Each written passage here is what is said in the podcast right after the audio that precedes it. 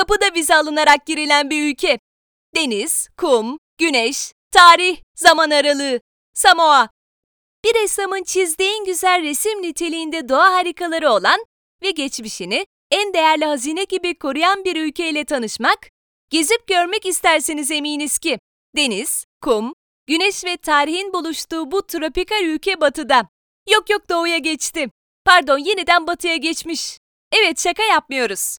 Siyasi ve ticari nedenlerden dolayı kendini arada bir zaman aralığı değiştirmek zorunda hisseden Samoa, Avustralya'nın doğusunda, Amerika'nın ise batısında kalıyor. Ve evet, zaman aralığına ve saatlerine göre yeni güne ilk uyanan ülkelerden bir tanesi Samoa oluyor.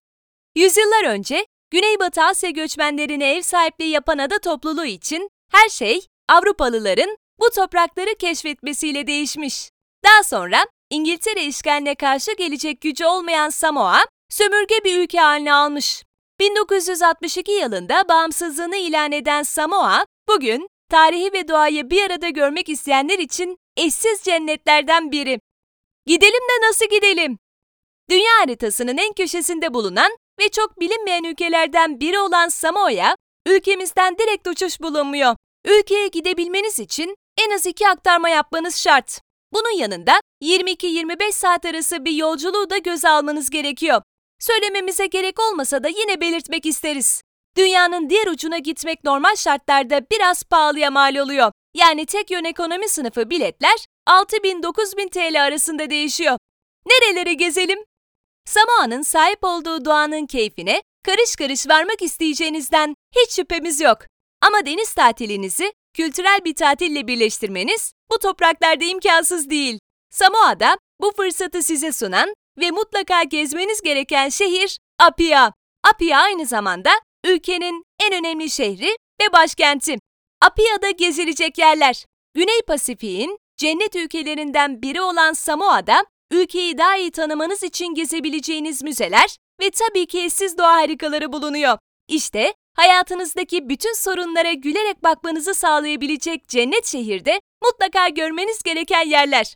Immaculate Conception of Mary Cathedral, Robert Louis Stevenson Museum, Papasea Sliding Rock, Samoa Cultural Village, Tapa Tapa Beach, Papa Papa Itai Falls, Lefega Beach, EFKS Museum, Dvanya Taule Alo Galeri.